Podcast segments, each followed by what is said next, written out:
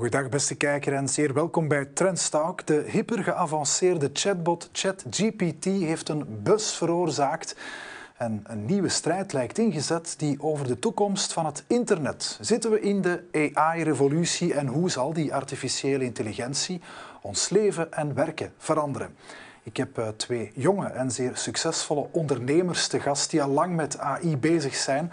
De oprichters van het Leuvens AI-bedrijf Raccoons, Michiel van den Driessen en Sam Hendricks. Dag uh, beide heren, welkom in de studio. Dank u wel. We hebben jullie uh, uitgenodigd omdat het uh, heel snel lijkt te gaan in AI. Mm -hmm. Nu, is dat ook echt het geval? Is er werkelijk de voorbije weken, maanden een doorbraak, een stroomversnelling? Of hebben we nu enkel als groot publiek, waaronder mezelf, die indruk, omdat het met die ChatGPT, uh, die chatbots, plots heel tastbaar wordt? Dat schrijft als een mens, spreekt als een mens, dat raakt ons als een mens. Is het een indruk of is er al lang iets bezig? Ja, die technologie achter ChatGPT, dat zijn eigenlijk generatieve taalmodellen. Dat zijn intelligente systemen die taal kunnen genereren. En die technologie is eigenlijk al een paar jaar oud. De eerste versie van GPT, het taalmodel achter ChatGPT, dateert uit 2018. En je kunt nu zeggen, oké, dat, is, dat is vijf jaar oud, maar in artificiële intelligentiewereld is dat een eeuwigheid, hè? vijf jaar. Dus um, dat bestaat wel al een tijdje. En wat we nu eigenlijk zien, is dat enerzijds die technologie meer en meer op punt begint te komen, dat het echt heel goed begint te werken, dat het echt hele goede content begint te genereren, maar ook dat je geen technische kennis meer nodig hebt om ook die technologie te gaan gebruiken en te gaan inzetten. Daarvoor was dat nog een heel technische aangelegenheid. Ja. Door ChatGPT is het heel toegankelijk geworden. Het is gratis, je kan naar een webbrowser, naar een website gaan via een webbrowser. Je maakt een account aan en je kan het gewoon gebruiken. En iedereen kan dat doen overal op de wereld. En dat is inderdaad wel hetgeen wat dat het nu zo heeft doen ontploffen en wat dat het nu zo ja, heel revolutionair doet aanvoelen, hoewel dat de technologie wel al een aantal jaren bestaat. En aanvoelen, ze noemen het ook het, het iPhone-moment. Ja. Wat bedoelen ze daar dan mee? Ja, het wordt heel vaak daarmee vergeleken, omdat eigenlijk tijden van de iPhone, hè, toen dat iPhone uitkwam, bestonden smartphones al wel even enzovoort. En gelijkaardige features als waar Apple mee kwam, bestond al. Maar de iPhone is het eerste keer dat het echt de massa bereikt heeft, hè, omdat het zo toegankelijk was, zo vlot werkt en dat daarom het een massa aan consumenten bereikt heeft. En dat zien we nu ook. Hè. De technologie is veel minder enkel in handen van ontwikkelaars zoals ons, waar wij mee aan de slag kunnen gaan, maar ook iedereen en in verschillende sectoren en in verschillende jobs komen nu in aanraking met AI, meer specifiek nu die generatieve AI. Want we leren het nu kennen, heel concreet wat het is, maar ook de big tech zien we de voorbije weken. Ja. Er is Microsoft met OpenAI en dan ChatGPT, de Chinese internetgigant Baidu, ja. die komen met Ernie, Google met Bart, deze week nog een persconferentie over ja. hun zoekrobots. Is dit de voorbode van een strijd die wordt ingezet, het, het leiderschap van het internet van de toekomst of de manier waarop we internet gaan gebruiken? Ja, ik denk vooral waar ChatGPT nu echt aan heeft bijgedragen, ja, een enorme hype natuurlijk, hè. we kunnen van hype spreken, maar het heeft er echt voor gezorgd dat er een, een echte wedloop ontstaan is tussen de grote tech-giganten. Microsoft heeft een heel succesvol gok misschien in het verleden gemaakt door heel hard met OpenAI te gaan samenwerken, waardoor dat zij nu ChatGPT en gelijkaardige zaken kunnen integreren in Word, maar in Teams enzovoort, in Bing, in uh, de Microsoft browser, Edge. We zien nu Google, die al achter de schermen jaren natuurlijk daarmee bezig was, maar nu plots naar buiten moet komen en overhaast dingen moet publiceren om mee te blijven. Dus er is echt wel iets aan het gebeuren. Absoluut. Tegelijk, ik hoorde op jullie podcast, Radio mm -hmm. Raccoons, ja, uh, dat jullie in 2015, 16 mm -hmm. spreken we dan, uh, daarmee bezig waren en dat jullie zeiden, ja, AI, iedereen spreekt daarover, maar niemand doet er echt iets mee. Toch niet uh, bij ons. Is dat nu anders? Ja, voor een stuk eigenlijk wel. AI is wel een heel stuk toegankelijker geworden in die jaren. Um, wat is er nu zo nieuw, is natuurlijk die generatieve AI en het feit dat dat nu in al die tools is, uh, is, is geslopen. Hè. En het, feit dat je nu tekst kan genereren, dat je afbeeldingen kan genereren, dat daar nu allemaal heel simpel te gebruiken, gratis of niet gratis tools voor zijn, dat is eigenlijk wel, wel, wel heel nieuw aan, aan, aan deze tijd. Um, maar ja, wij, wij, wij, wij zijn al veel lang bezig bij Raccoons met artificiële intelligentie in het algemeen. En dat is wel heel belangrijk. Artificiële intelligentie is breder dan generatieve AI. Hè. Dus al, alle dingen die we al kennen van machine learning, zaak, uh, uh, systemen die zaken herkennen in foto's, systemen die zaken gaan voorspellen. Al die dingen die vandaag al in onze smartphones, in onze tv's, in onze auto's, die daar vandaag al zitten. Het is niet dat die nu vergeten worden of dat we zeggen dat is nu geen AI meer. Uh, het is vooral dat er nu nieuwe technologieën zijn bijgekomen die specifiek rond generatieve AI zijn en die ons wel uh, die hele wereld toch zo'n beetje hebben verbaasd nu, doordat die nu zo toegankelijk zijn. Ik voel dat we naar een next level uh, gaan nu. Uh, je noemt raccoons, jullie zijn er al lang mee bezig. We gaan straks uh, wat, wat meer hebben over jullie bedrijf. Maar, maar schets even, ja, jullie zijn actief in, in Leuven. Jullie zijn beide net geen 30, maar daar werken 60 mensen. Dat is een uit de kluiten gewassen KMO. Wat, ja. wat doen jullie juist? Klopt. Toen wij gestart zijn in 2016 was onze insteek eigenlijk om die technologie zoals AI heel tastbaar te gaan maken voor typisch Belgische bedrijven. Om echt op heel korte tijd een leuk prototype te maken waar bijvoorbeeld AI in gebruikt werd om een probleem op te lossen. Ondertussen zijn we 2023, team van 60 mensen bijna, die eigenlijk nog steeds die digitale producten bouwen, veel groter, maar altijd met die innovatieve technologie daarin. Dat gaat van voor Acerta virtuele assistenten die een stukje de klantendienst ontlasten, tot bij TVH waar we eigenlijk bestellingen die binnenkomen gaan automatiseren met AI. We gaan straks uh, die, uh, ja. die, cases eens, uh, eens, bespreken, hoe dat jullie juist te werk gaan. Um, even terug naar, naar die chat GPT, waarmee we de voorbije week allemaal kennis konden maken. Dat maakt die AI heel tastbaar. Um, in Trends Magazine vragen we ons deze week bijvoorbeeld af um, ja, wat als dat onze, de sectoren binnendringt en specifiek bij ons nu. Zijn we eens gaan kijken naar de juridische sector. Is het zo dat software een deel van zeg maar, het papegaaiwerk dat we soms met z'n allen moeten doen, dat dat zal overgenomen worden? Ik geloof dat toch wel voor een stuk van wel, ja. En, vooral het, het, werk dat we minder graag doen, dat heel veel tijd kost en wat we minder graag doen, dat we dat inderdaad wel echt meer en meer kunnen gaan offloaden naar die artificiële intelligente systemen en die taalgeneratiemodellen. Dus ik, ik, ik denk dat dat ook de bedoeling moet zijn van artificiële intelligentie. Dat het echt de mensen gaat assisteren bij de zaken waar dat mensen veel tijd aan verliezen, misschien ook niet altijd energie van krijgen. En, en dat het echte grotere denkwerk nog steeds door mensen gaan gebeuren, maar zo die uitvoerende zaken misschien ook meer en meer naar die generatieve systemen zou, of daardoor zou kunnen uitgevoerd worden. Dus dat, datgene wat overblijft is dan, je zou bijna kunnen zeggen, een beetje filosofisch, maar wat ons echt tot mens maakt, de creativiteit, de unieke touch, de persoonlijke toets. Ja. Dat is... Uh... Absoluut, dat zien we nu ook heel vaak in projecten die we vandaag doen met AI, die vandaag echt gebruikt kunnen worden ontlasten we daar eigenlijk de mensen in het bedrijf van repetitieve taken die, laten we eerlijk zijn, ze ook niet altijd even graag doen, omdat dat heel repetitieve zaken zijn, uh, met taal, met afbeeldingen, wat dan ook. En eigenlijk gaan we ervoor zorgen dat het AI-systeem die wegneemt of ondersteunt, zodat zij kunnen focussen, zoals inderdaad waar ons onderscheidt als mens, relaties uh, met klanten bijvoorbeeld uitbouwen, de menselijke touch toevoegen enzovoort. Dus het is echt in een co-piloot omgeving eigenlijk dat AI met de mens gaat samenwerken. Ik heb even een testje gedaan vanochtend ja. Eh, met ChatGPT. Uh, ik heb mhm. veel mee geëxperimenteerd al de voorbije dagen. Het is inderdaad werkelijk boeiend en vaak indrukwekkend. Maar ik uh, vroeg aan ChatGPT een zeer concrete vraag waarmee een klantendienst van een bedrijf kan geconfronteerd worden. Ik nam nu in casu, het was improvisatie een energiebedrijf.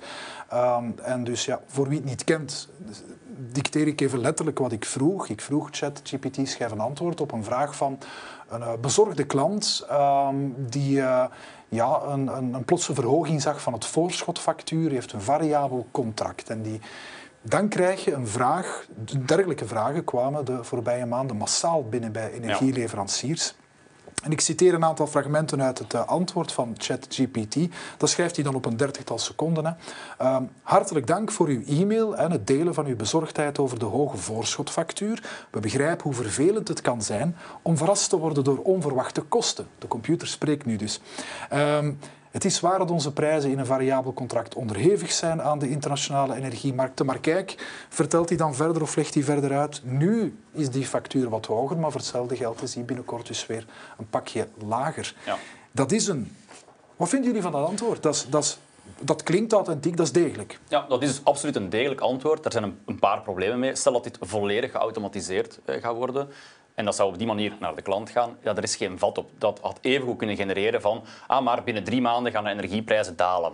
Ja. Waarschijnlijk gaat dat niet zijn, maar is al wel gezegd. Dus waar zou dit perfect zijn? Beeld u in dat de klantendienst die daar vandaag werkt, die krijgt dat binnen. Die heeft een, een software tool waar hij die vraag ziet in binnenkomen. En rechts verschijnt een suggestie. hey, onze AI-robot stelt dit antwoord voor. Lees dat eens na, je kan dat aanpassen. Perfect, dat zou een goede situatie zijn. Daarnaast ook, dit, dit is een gegenereerd antwoord door een algemeen systeem die natuurlijk geen details over dat bedrijf heeft. Dus die weet natuurlijk niet welke specifieke formule die klant heeft, hoe dat die prijsafspraken intern in de organisatie zijn, want dat kent het chatsysteem in dit geval nu niet.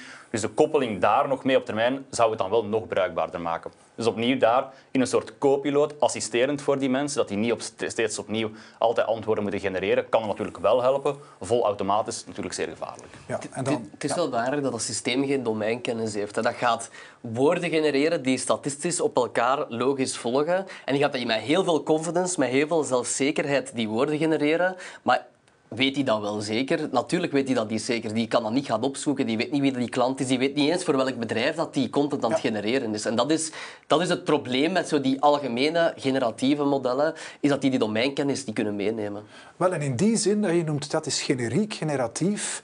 Um, het heeft ook iets menselijk, want tegelijk doet die chatbot wat mensen doen, namelijk wat woorden gebruiken. In een, in een podcast van Microsoft noemden ze het bullshit. Het gebruikt wat bullshit. Van ja, ja bedankt, zien, ja. fijn dat u ons aanspreekt in zaken bezorgdheden over uw factuur. Dat is wat we blabla bla noemen. Dat maakt het ook net weer, weer menselijk. Absoluut. En dat systeem dat is getraind, dat is gevoed met enorm veel data. Enorm veel textuele data. Met Wikipedia-artikels, of Wikipedia-pagina's, artikels op het internet, internetfora waar mensen in discussie gaan. Dat is met zoveel content gevoed met allemaal content die uiteraard door mensen ooit geschreven is. En daardoor voelt dat systeem ook heel menselijk aan, omdat hij eigenlijk geleerd heeft hoe dat mensen, statistisch gezien, hoe dat mensen typisch gaan spreken met elkaar. En daarom ja, ga je effectief ook die blabla bla en die bullshit die we online uiteraard ook gaan vinden en in al die fora en zo verder gaan vinden, ja, gaat hij dat effectief ook geleerd hebben, die gaat dat gelezen hebben en gaat hij dat, dat menselijke aspect gaat het daar ook effectief in zitten. Maar tegelijk, zoals jij het omschrijft, als co-piloot, stel ik werk op die klantendienst, krijg zo'n pak vragen binnen. Ja, het kan inspireren, lees je. Um, je bent al aan de slag, je hebt een draft. Absoluut, het kan inspireren. En ik denk, inderdaad, het kan het repetitieve wegnemen. Hè, want heel veel op klantendienst, we werken heel vaak met AI-toepassingen op klantendienst, dat zijn enorm veel wederkerende problemen. Dus natuurlijk is dat daar ondersteunend en ergens ook mentaal ontspannend, hè, dat er iemand daarbij kan helpen om dat te schrijven. Maar anderzijds ook, ja, niet per se op de klantendienst, maar in een meer creatief proces. Ja, soms zijn we even niet creatief, hebben we even geen creatief moment. Maar moeten we dat op dat moment wel zijn? Daar kan zo'n systeem dan ook wel juist weer helpen om te brainstormen, met opties te komen waarmee jij dan als mens met je eigen creativiteit en intelligentie weer mee aan de slag kan gaan. In de, in de trends van deze week uh, gaan we onder meer naar het Gentse legal tech bedrijf uh, Henchman. Die hebben sinds eind januari een tool waar ze chatbot toepassen voor het schrijven van al vrij complexe contracten. En um, in het artikel ook lijkt de juridische wereld te besluiten van goh, het zal toch waarschijnlijk binnen een aantal jaren het werk van stagiairs wegnemen of vervangen. Jonge mensen die nu rechten studeren, kunnen die zich voorbereiden op een stage die er anders zal uitzien? Dat is een moeilijke en gevaarlijke en een genuanceerde vraag. Ik, ik denk, gaat hij die echt 100% vervangen? Ik denk dat we daar nog niet zijn. Die systemen maken nog fouten. Die blijven soms nog een beetje op de oppervlakte. En ik denk dat het vooral de bedoeling is dat zelfs ook die stagiairs of die studenten het juist echt heel goed leren gebruiken. Dat die ook weten wat kan het wel en nog belangrijker, wat kan het niet en, en, en wat is dan mijn taak? Hoe kan ik dat gebruiken? En wat is mijn taak om ook te gaan factchecken, dat te gaan verbeteren en daar en daar mijn menselijke factor aan toe te voegen. En dat is volgens mij echt de, de eh, het belang uh, dat er gaat moeten gebeuren voor, voor die mensen, voor kan die je net zeggen, van, wij gingen nu kijken deze week naar, naar de juridische sector. Leent dat soort werk, juridisch werk, zich net wat meer tot, dus... tot AI? Want men baseert zich op alles staat geboekstaafd in wetten en regels. Als we kijken naar generatieve AI, zeggen wij eigenlijk alle sectoren waarin dat er content gegenereerd moet worden, kunnen hierdoor geïmpacteerd worden. ik zeg niet dat die mensen gaan vervangen worden, maar die kunnen wel effectief die tools gaan gebruiken. En contentgeneratie is natuurlijk heel breed. Hè. Contracten schrijven in een, in een legal context, daar zit heel veel contentgeneratie in. Maar een heel ander eh, aspect of een heel ander departement is marketing. Ja, daar moet je ook heel veel content genereren. Ja, er heel vaak experten die het hebben over de niche marketing. Hè. Daar, uh, daar gaat het wat teweeg brengen. Ja, natuurlijk omdat marketing, de uitvoerende marketingmensen, die zijn enorm veel bezig met dagelijks content te genereren. Hè. Van social media posts tot creatieve Instagram, carousels enzovoort. Ja, laat daar deze technologie nu net heel ondersteunend in zijn. Google heeft ook een van de nieuwe features uh, aangekondigd die vandaag nog eerder in een beta-omgeving zit Maar als bedrijven vandaag adverteren op Google, dan moeten ze proberen zo'n inspirerend mogelijke titel en beschrijving, waar jij daar zou op klikken als Google. Je kan nu een optie aanvinken dat je zegt van kijk, beste marketeer, je moet eigenlijk zelf niks meer schrijven. Laat ons het doen. Wij gaan op dat moment, voor de persoon die dan op Google komt, de perfecte titel en beschrijving genereren aan de hand van de content op jouw website en een beetje wat we over die gebruiker weten. Dus opnieuw daar... Maar dat zal meer trafiek genereren. Richting... Dat zal meer trafiek. En natuurlijk, op het moment dat er mensen op klikken, is gezegd dat Google, dat was een zeer goede suggestie. En dan kan er weer uit geleerd worden. Om af te sluiten over ChatGPT, Bill, uh, Bill, Bill, Gates zei dat de impact van technologie wordt uh, op korte termijn vaak onderschat, maar op lange termijn uh, overschat, excuseer, en op lange termijn onderschat. Zitten we nu mogelijk op zo'n moment dat het, uh, ja, we zitten aan het toppunt van de hype, tegelijk moeten we geduld hebben vooraleer dit volwassen wordt? Mm -hmm. Ik denk dat het vandaag misschien wel door de hype wel een klein beetje overschat wordt. Ja. ChatGPT is ook niet meer dan een algemeen, soms nog oppervlakkig taalmodel dat met heel veel zelfzekerheid tegen u liegt. Daar komt het basically op neer. Hè? Want oké, het gaat soms wel goede content genereren, maar het maakt ook foutjes en het gaat soms met heel veel zelfzekerheid gewoon foute informatie geven. Dus, eh, en en, en ik, ik hoor wel heel veel dat mensen zeggen van oké, alle AI, of, of ChatGPT is nu gewoon AI en dat is, uh, dat is uh, general AI waar dat we nu al bijna zijn. Dat is het helemaal niet. Het is een taalgeneratiemodel. Het kan teksten genereren, heel tof, veel goede use cases, maar het is ook niet meer dan dat. De vraag is natuurlijk, wat is het op lange termijn? Onderschatten we dat? Ik, ik weet niet of wij technologie onderschatten op lange termijn. Onder, misschien dat we dat al wel altijd al doen, technologie onderschatten. Ja, konden we in de jaren 60 de revolutie van het internet voorspellen? Waarschijnlijk hebben we dat toen ook wel heel hard... Uh... We hadden geen idee toen. Nee, voilà, het is, dat, het is dat. Dus ik denk dat, we, denk dat we nog altijd geen idee hebben. Ik denk dat dat wel klopt, dat we het op lange termijn onderschatten. Aan de andere kant, ik heb op mijn computer nog altijd een bundeltje van rapporten die gelanceerd werden in 2016 met prognoses van tegen 2020 gaan alle klantendiensten puur door chatbots gedreven zijn, zijn ondertussen voorbij en we zijn nog steeds die stappen aan het nemen. Dus ergens is dat wel waar. Nu, om dat AI-onderzoek in een stroomverstelling te laten komen, zijn er enorm veel middelen nodig. Dus een hype zoals ChatGPT is natuurlijk wel... Ja, ja dat Wie naar de markt stapt nu, die, uh, je moet investeerders vinden. Voilà. En Big Tech moet nu meeblijven en moet volledig mee op de kar springen en research beginnen publiceren en alle middelen daar laten toestromen. Dus wat we de komende jaren gaan zien, gaat wel veel sneller komen dan hetgeen dat we hadden als ChatGPT niet was gebeurd. Want daar gaan we het over hebben, over eh, andere AI-toepassingen. Ik wil even naar een eh, fragment uit ons Z-nieuws van uh, vorige week. Collega Stijn Wuits die trok naar de ZNA, uh, GZA-ziekenhuizen in Antwerpen. Het gaat over een kankeronderzoek. Um, daar moeten namelijk in biopsieën tumorcellen geteld worden. En er is het risico dat de arts ja, een beginnende tumor over het hoofd ziet. Ja. Menselijk oog faalt, maar het oog van de computer uh, niet. Laten we even kijken ja. naar een fragment. Weefselstalen van bijvoorbeeld een biopsie in de borst worden in de Antwerpse ziekenhuizen ZNA en GZA tegenwoordig meteen ingescand, zodat artificiële intelligentie de dokters kan helpen met de diagnose. De slimme software helpt ons hierbij door middel van de bepaalde zones aan te duiden die het meest waarschijnlijk zijn op de aanwezigheid van kanker. En dat doet hij door middel van kleurschakeringen, waarbij dat rood de zones zijn waar we het meest naartoe zouden moeten gaan kijken. Het kan voorkomen dat deze zones zeer klein zijn, waardoor het voor een patholoog iets moeilijker is en dat de kans bestaat dat we erover kijken. Het is Israëlische software die helpt bij het opsporen van borst- en prostaatkanker. Die techniek is een primeur in de Benelux. De ziekenhuizen gebruiken daarnaast ook Duitse software in de beslissing om immuuntherapie toe te passen in de strijd tegen kanker. Die beslissing hangt af van de aanwezigheid van een bepaald eiwit op tumorcellen. We hebben een hele mooie schattingsmethode, maar natuurlijk slimme software is veel accurater en kan deze triljoenen cellen allemaal tegelijkertijd in één keer tellen, waardoor dat het resultaat niet alleen accuraat is, maar ook heel snel gegeven kan worden. Ja, een heel mooi eh, voorbeeld. Ook hier is eh, AI de co-pilot, zoals jullie het noemen. En de laatste toets en de verantwoordelijkheid is die van uh, de arts. Maar toch, nu als ik, uh, als ik dit zie, vraag ik me af... En, en, je haalde het al aan, die technologie is al lang bezig. Um, waarom noemen we dit nu vandaag AI?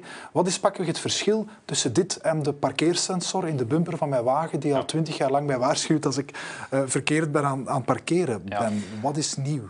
Het verschil is dat er een lerend aspect is aan het systeem. Dus het systeem gaat eigenlijk kijken naar data van kankercellen of geen kankercellen. En die gaat er eigenlijk zelf uit leren hoe dat een kankercel eruit ziet en gaat dat op die manier ook gaan detecteren. En wij moeten dus geen regeltjes meer programmeren van oké, dat ziet er zo uit of dat ziet er zo uit en we dat effectief als programmeurs gaan ingeven. Nee, we geven gewoon heel veel data aan het systeem. Dat systeem leest die data in en gaat zelf die regeltjes gaan, um, ja, gaan verzinnen, gaan, gaan herkennen eigenlijk.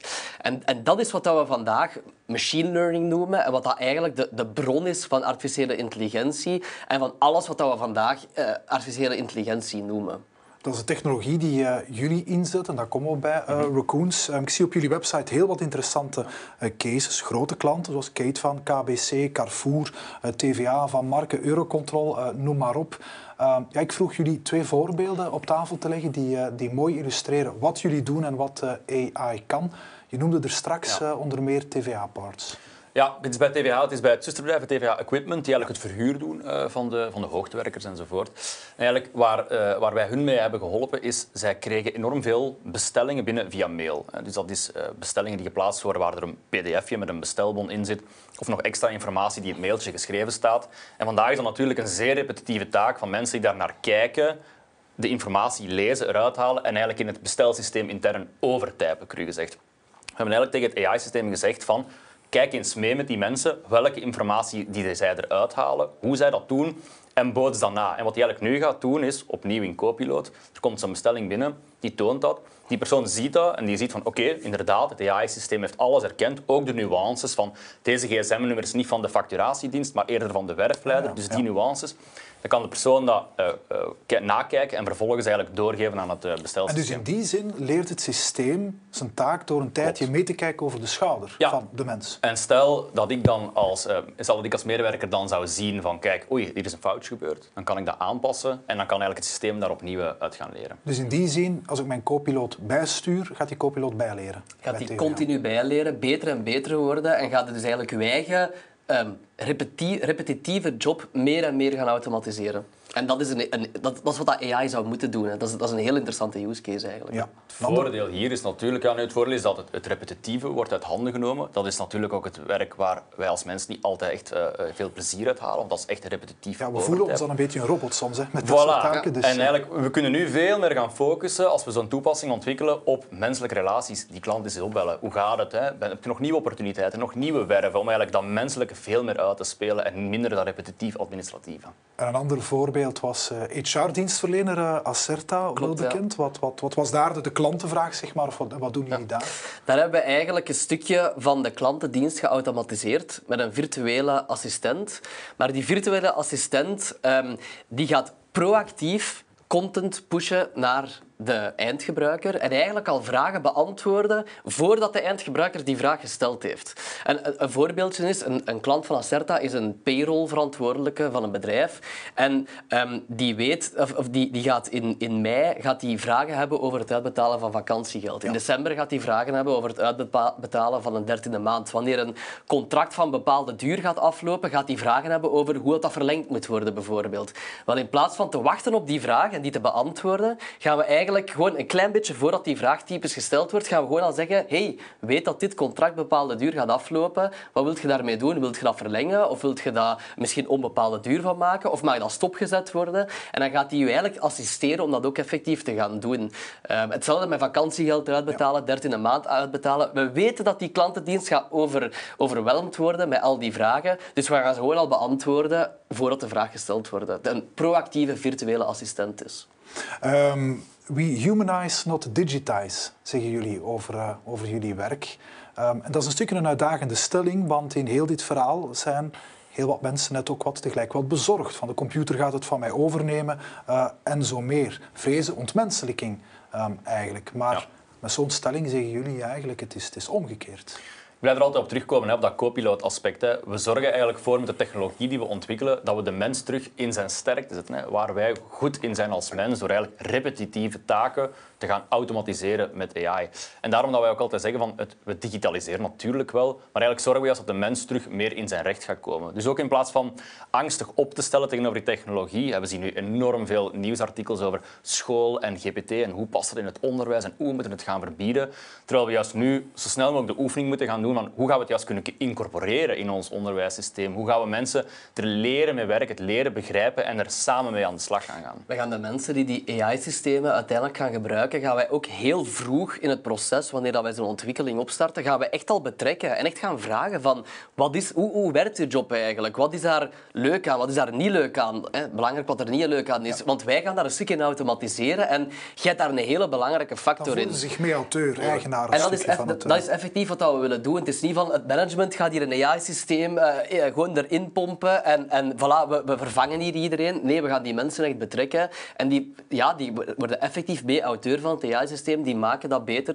En dat is eigenlijk een, een, een heel goede manier van werken. En dat doen we zowel bij TVH, maar dat doen we ook bij alle virtuele assistenten en de customer service die we deels automatiseren. Gaan ook die mensen ook zelf die virtuele assistenten beter maken over tijd, um, om eigenlijk de, de repetitieve zaken aan hun eigen job um, ja, meer en meer te automatiseren. Wat zou dat globaal kunnen betekenen als jullie nu pakweg 20 jaar in de toekomst kijken? Vorige week in Trends, zo schat dat nou, 14% van de jobs volledig kunnen uh, geautomatiseerd worden. Een derde deels. Het gaat dan vaak over ja, repetitief werken, startersbanen um, en zo meer.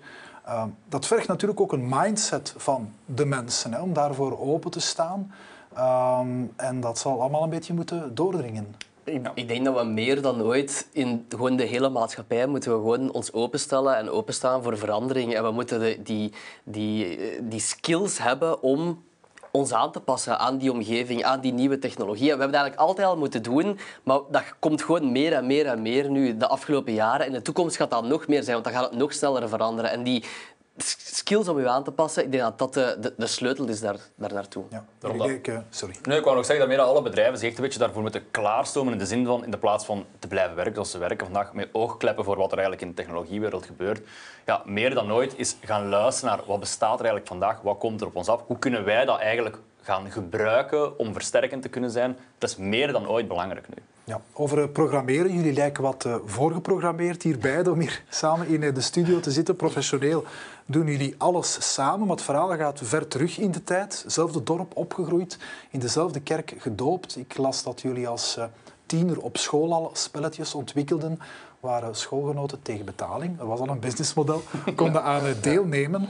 Ehm, dus die draad zit doorheen heel jullie leven. Uh, het is een mooi verhaal. We kan dat terugvinden in Trends, uh, wie, wie, wie, het wil nalezen. Maar ik wil, ik wil direct weer naar de technologie gaan. Want op heel jonge leeftijd ontwikkelden jullie onder meer ook een, een horloge met valdetectie. Uh, jullie waren toen beginnende twintigers, of spreek ja. over zeven jaar geleden. Toen is het voor jullie voorheen was het ook ernstig onderzoek, maar is het echt qua business begonnen? Hè? Hoe zat dat juist? Ja, eigenlijk is het idee heel high level ontstaan omdat mijn grootmoeder alleen woonde. En als familie waren we een beetje bezorgd van ja, wat als die valt en die kan hè, geen alarm slagen. Er bestaan natuurlijk die alarm, seniorenalarm waar ze kon op duwen. Wou ze niet dragen. Dus ik zei van wat als ik nu eens gewoon een horloge maak die eigenlijk kan detecteren als je gevallen bent. Dat, wou, dat wou ze hebben, dus dat was een fantastisch idee. En ik, zei, ik vertel daarover tegen Michiel. En Michiel zei ook dat dat natuurlijk technologisch een zeer uitdagend iets was. Want een val detecteren door een horloge is zeer complex. Vandaag is dat iets trivialer, zit dat ook in bestaande horloges wel in. Toen nog niet. Want we spreken nu 2000... Uh... Michiel is zeer goed met data, dus dat was 2015, 16 die ja, periode. Ja, ja. ja. En eigenlijk hebben we toen beslist om eigenlijk zelfs aan de slag te gaan. Prototype ontwikkeld van een smartwatch. Ik zei het zeker tussen, wel tussen aanhalingstekens, want het zag er zeer rudimentair uit. Maar wat vooral uniek was, is dat we eigenlijk toen een beetje een machine learning algoritme ontwikkeld hadden dat eigenlijk leerde wat een val was. Door letterlijk dat aan te doen, honderden keren op de grond te vallen. Ja, jullie zijn zelf gaan vallen. Vaak. En de nodige slachtoffers daarvoor gezocht. En eigenlijk ook alles wat geen val was, gaan zitten of gaan liggen enzovoort. En zo leerden dat eigenlijk. En dat was een beetje de opstap naar wat we vandaag deden. Omdat we, eigenlijk, dat we dat heel vaak gebruikten als voorbeeld. Ik herinner me toen we pas gestart waren en we door KBC uitgenodigd waren op een interne beurs van hun. Allemaal standjes om technologie te laten proeven. Natuurlijk de typische hè, vendoren stonden daar met leuke uh, installaties wel. Maar wij kwamen eraan met een matras en eigenlijk met die horloge. En iedereen kwam in kostuums kijken van wat doet die matras hier. En dan deden we ze die horloge aan en we zeiden vallen ze op de grond. En dan vielen ze op de matras en dan zei het horloge dat het gevallen was. En de reactie die we kregen zo vaak was van maar dit is de eerste keer dat ik eens AI in een toepassing zie, AI gebruikt. En zij waren ook dus zo dat algoritme aan het trainen. Wij verzamelden al die data en je zag eigenlijk doorheen de dag dat de nauwkeurigheid van het algoritme omhoog ging gaan. En we hadden die grafiek ook, op, ook op een scherm staan en we zeiden van kijk, dit is machine learning. Jij bent nu data aan het genereren voor een machine learning model. Wij zijn geen regeltjes aan het programmeren, wij zijn gewoon jouw data aan het verzamelen, aan het sturen naar het systeem en die leert eigenlijk hoe dat die vallen moet detecteren en hoe dat die andere zaken dan aan vallen moet, dan, dan aan val moet detecteren. En dat is een heel, ja, een heel tastbare manier om het concept van machine learning, wat zeker toen nog een heel abstract begrip was, om dat eigenlijk heel tastbaar te maken voor die mensen. Tastbaar ehm, en ook een, een mijlpaal een stukje voor jullie ondernemersverhaal, want of fond kan je zeggen dat wat jullie nu doen, het is van een techbedrijf naar, naar SaaS, software as a service gegaan, met de voorbeelden die je gaf. Au fond blijft dat wat jullie doen, hè? Toen. Ja, heel vaak. Want eigenlijk het is dat het inderdaad een beetje de opstap geweest is, omdat bedrijven naar ons kwamen en zeiden van, oh maar, voor AI nu, ik begrijp wat het is. Ik heb dit en dit probleem, of wij zien dit en dit dat niet goed loopt. Zou AI geen oplossing kunnen zijn? En eigenlijk is het vandaag gestart en is het vandaag, wel vandaag Raccoons is, uh, is geworden. En is dat nog steeds vandaag dat wij door klanten uitgenodigd worden. En die zeggen, kijk, dit proces loopt inefficiënt, of dit krijgen we niet opgelost met klassieke technologie dan gaan we eigenlijk met een nieuwe blik daar naar kijken. Kijken, wat loopt er vandaag niet goed? Oké, dit kunnen we bijvoorbeeld iets voor ontwikkelen dat dat automatiseert of, uh, of efficiënter maakt. Eigenlijk daarmee. Jullie zijn stevig gegroeid uh, daarin. Er werken nu bijna 60 ja. Mensen. Um, dan moet je je ook gaan, gaan organiseren. Hè? Dat, dat, uh, dat bedrijf krijgt een volume. Op een bepaald moment heb je het dan, dan opgesplitst, kan ik zeggen. Over, over een koepelbedrijf van gemaakt. Waarom juist? Waarom werkt dat beter? Ja. Ja, dus um, we hebben inderdaad, we zijn gestart echt met heel dat prototype gegeven van kijk, er zijn innovatieve technologieën, we willen dat aantoonbaar maken met prototypes. Maar natuurlijk, net zoals wij volwassener werden, werden die technologieën ook volwassener. En begon die vraag ook meer en meer naar ons te komen van kunnen jullie dit soort technologieën er ook effectief in een grote productieapplicatie steken? En we, voelen van, we hebben eigenlijk de juiste naam daar niet voor om dat te doen. En dat is een van de redenen waarom dat we eigenlijk het hele, uh, het hele bedrijf hebben uitgesplitst in verschillende deelbrands die eigenlijk verantwoordelijk zijn voor een specifiek onderdeel. Dus we hebben een, een brand dat specifiek eh, verantwoordelijk is voor machine learning en AI. We hebben een brand dat specifiek verantwoordelijk is voor artificial intelligence. En zo verder en zo verder. Om eigenlijk de, de mature technologieën ook verder te kunnen gaan dan wat dat we in initieel die prototypes. En voor elk van die bedrijven is er ook iemand verantwoordelijk. En zo stimuleren wij eigenlijk ook een beetje ondernemerschap binnen onze hele organisatie. En hebben al die deelteams een bepaalde verantwoordelijkheid, um, waar, verantwoordelijkheid voor het bedrijf, waar ze ook voor moeten zorgen dat dat, dat positief draait en zo verder. Dus dat, dat, is eigenlijk het hele, het, het, hele idee achter, achter Raccoons. Dat kan een manier zijn om de, de pioniersmentaliteit er een stukje uh, in te houden, want we begonnen het gesprek ermee. Er gebeurt heel veel. Het gaat nu ook heel snel. Het krijgt veel aandacht. Er zal veel geïnvesteerd worden. Hoe maak je als, eh, als, eh, als, als ja, agile, jonge speler vanuit België, hoe gaan jullie het verschil proberen blijven maken? Waar ligt de toekomst van Raccoons? Het grote verschil is een beetje bij onze mentaliteit van eigenlijk het hele team. Want al die 60 eh, mensen die bij ons aan de slag zijn, die delen één ding, en dat is de, de passie voor wat wij doen, de passie voor die technologie. Er was deze week iemand bij ons in het team die op eigen houtje een YouTube-kanaal heeft gelanceerd waar hij eigenlijk gewoon de laatste nieuwe acht breakthroughs deze week in AI-landschap. Dus dat zijn dingen waar ik nog nooit van gehoord heb zelfs, die hij dan een beetje uh, begrijpbaar probeert uit te leggen. Dus het is die mindset dat overal heerst. Als ChatGPT in de media komt, is het onze bedoeling dat wij eigenlijk al een tijdje ervoor daarmee geëxperimenteerd hebben, daarmee aan de slag zijn, dat we daar presentaties over kunnen geven en dat heel begrijpbaar kunnen gaan, uh, gaan toelichten. En dat proberen we eigenlijk te doen met alle technologie die op ons afkomt. Wij zijn nu de eerste stapjes aan het zetten in quantum computing. Daar is vandaag geen 1 euro mee te verdienen, om het zo te zeggen. Maar dat is iets dat mogelijk baanbrekend gaat zijn. Dus we helpen vandaag bedrijven met... wat is dat, quantum computing? dat, dat schuif ik dan direct door. Hè. Een quantumcomputer, heel simpel uitgelegd, computers werken met nulletjes en eentjes. Hè. Dus we weten dat elke, elke bit kan ofwel 0 of 1 zijn. In een quantumcomputer kan een bit ofwel 0 ofwel 1 ofwel 0 en 1 tegelijk zijn. En dan komen we eigenlijk dus in de kwantumfysica-principes die daar naar boven komen. Wat is de toepassing daarvan? Is veel krachtigere computers die in bepaalde niche zaken als uh, encryptie bijvoorbeeld of als artificial intelligence en machine learning nog veel, veel, veel, veel veel beter gaan zijn dan alle computers die we vandaag al hebben tegelijkertijd, bij wijze van spreken. Uh, heren, dit is ongelooflijk uh, boeiend, maar ik moet helaas afronden. Maar ik heb ook een co-piloot. Ik heb aan uh, ChatGPT gevraagd om mij een grappig afscheid te schrijven van twee studiogasten in een televisieprogramma Heel nieuwsgierig. over AI. En de beide gasten zijn experten in AI. Ik vroeg dus ook om grappig te zijn. En daar gaan we dan, schrijft hij. Onze uitzending is ten einde, jawel. En we nemen afscheid van onze twee AI-goeroes, noemt hij jullie. Super. Het was fantastisch om hen te horen praten over de toekomst van de technologie, maar het is tijd om hen nu vrij te laten om zich te concentreren op het creëren van de volgende generatie slimme machines.